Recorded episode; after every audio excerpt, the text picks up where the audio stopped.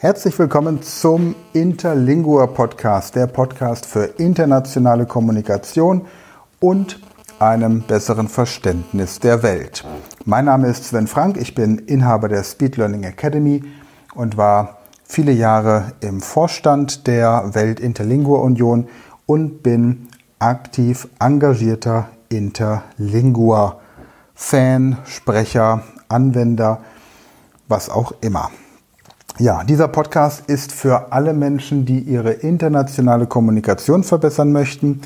Dieser Podcast ist für Menschen, die einen Weg suchen, um mit Muttersprachlern des Italienischen, Spanischen, Portugiesischen oder Rumänischen sprechen zu können, ohne tiefer in deren Sprache eintauchen zu müssen.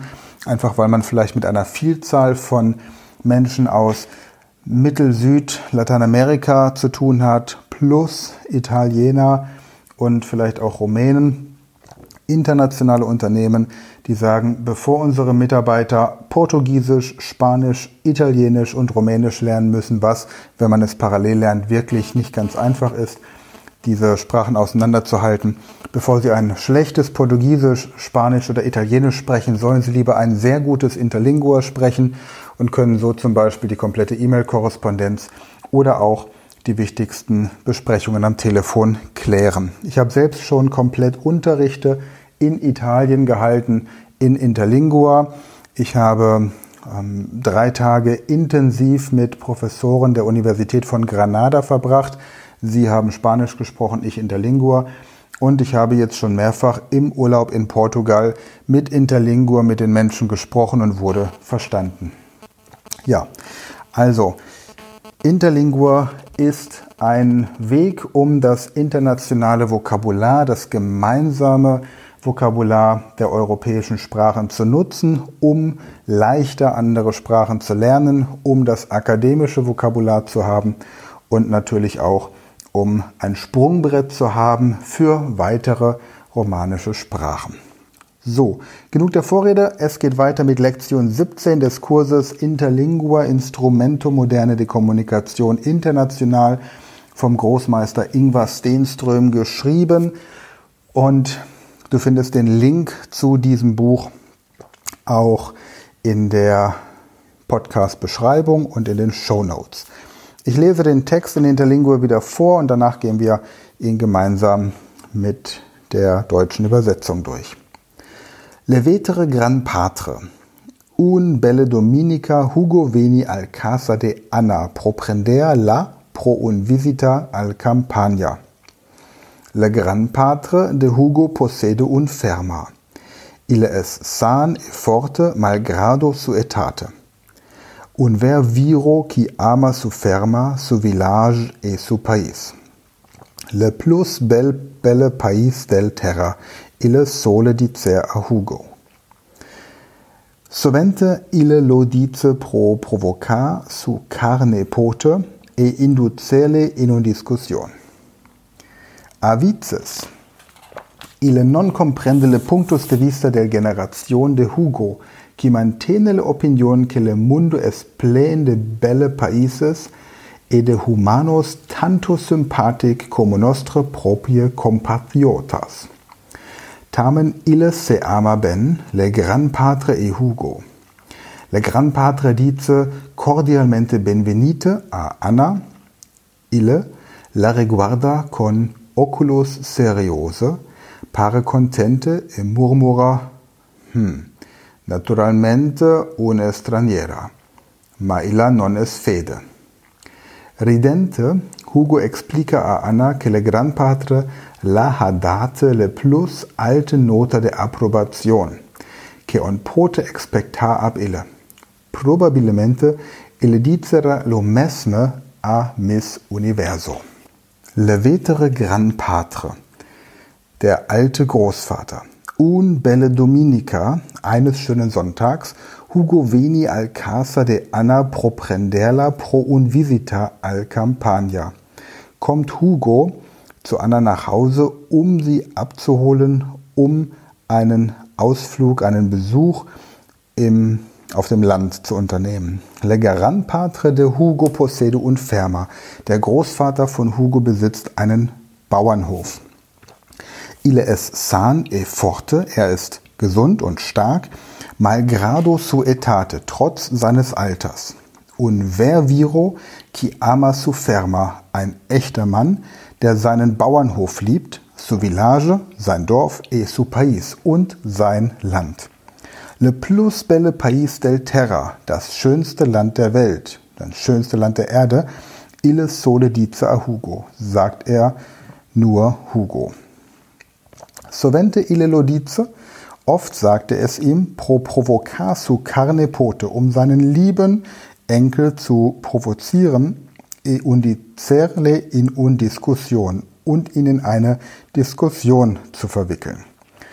Avice ille non comprende le puntos de vista. Manchmal versteht er nicht die Gesichtspunkte der Generation de Hugo, der Generation von Hugo, also Hugos Generation.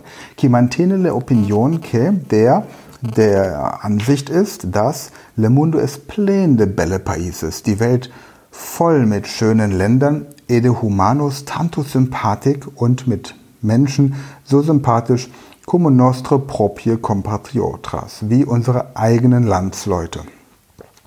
Tamen illes se ama ben. Dennoch lieben sie sich sehr. Le Grand Patre e Hugo, der Großvater und Hugo. Le Grand Padre dice cordialmente benvenite a Anna. Der Großvater sagt herzlich willkommen zu Anna. Ile la reguarda con oculo serioso. Er betrachtet sie mit ernstem Augen, mit ernstem Blick. Pare contente e murmura. Scheint zufrieden und murmelt. Hm, naturalmente una straniera. Natürlich eine Ausländerin, eine Fremde. Ma illa non es fede. Aber sie ist nicht hässlich. Ridente, ridente Hugo explica a Anna. Lachend erklärt Hugo Anna, que le gran padre la ha date, dass der Großvater ihr gab, le plus alte Nota der Approbation, die höchste mögliche Anerkennung, que on pote expectar ab ille, die man von ihm erwarten kann. Probabilmente, vermutlich, ille dicera, würde er sagen, lo mesme, dasselbe, a Miss Universo. An Miss würde er Miss Universum genau das gleiche sagen. Wieder die Fragen, die du dann für dich in Interlingua beantworten kannst. Questiones. Abcerte verbos in este texto on pote formar substantivos, finiente con ion, le quales es ilos. Von bestimmten Verben in diesem Text kann man die Substantiven, sie, kann man die Substantive bilden, die auf ion enden. Welche sind es? Zum Beispiel Approbation von approbar. Und da hast du auch ein, eine Regel. Du wirst sämtliche Hauptwörter, sämtliche Substantive, die im Deutschen auf T-I-O-N enden, in Interlingua auf T-I-O-N enden lassen, also Information, Registration, Kreation. Du kannst jeweils das entsprechende Verb dazu machen und dieses Phänomen findest du übrigens auch in allen Sprachen, die du in Europa so findest. Also das heißt, du wirst genauso gut Information mit Information im Englischen finden, mit Information im Französischen, mit Information im Spanischen, mit Informazione im Italienischen, mit Information im ähm, Schwedischen, mit Informatie im Niederländischen, mit Informatia im Polnischen und so kannst du das auch auf die ganzen slawischen Sprachen übertragen. Das heißt, diese internationalen Wörter, Wörter, die auf Ation enden im Deutschen, kannst du in allen Sprachen Europas oder sagen wir mal in 90 Prozent der Sprachen Europas, in den germanischen, romanischen und slawischen Sprachen wiederfinden und hier Substantive, Verben, Adjektive, alles entsprechend draus basteln. Zweite Frage. Le quales es le parolas geographic que vos ha aprendite usque nunc? Welche geografischen Wörter haben Sie oder habt ihr bis jetzt gelernt?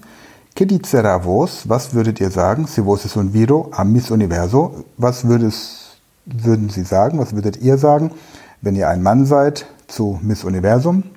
Oder si vos es un femina, wenn ihr eine Frau seid? Que vole vos los homines vos dicarea quando vos essera Miss Universo. Was würdet ihr wollen, dass die Männer euch sagen, wenn ihr Miss Universum sein werdet? Ja, das war's für heute, Lektion 17.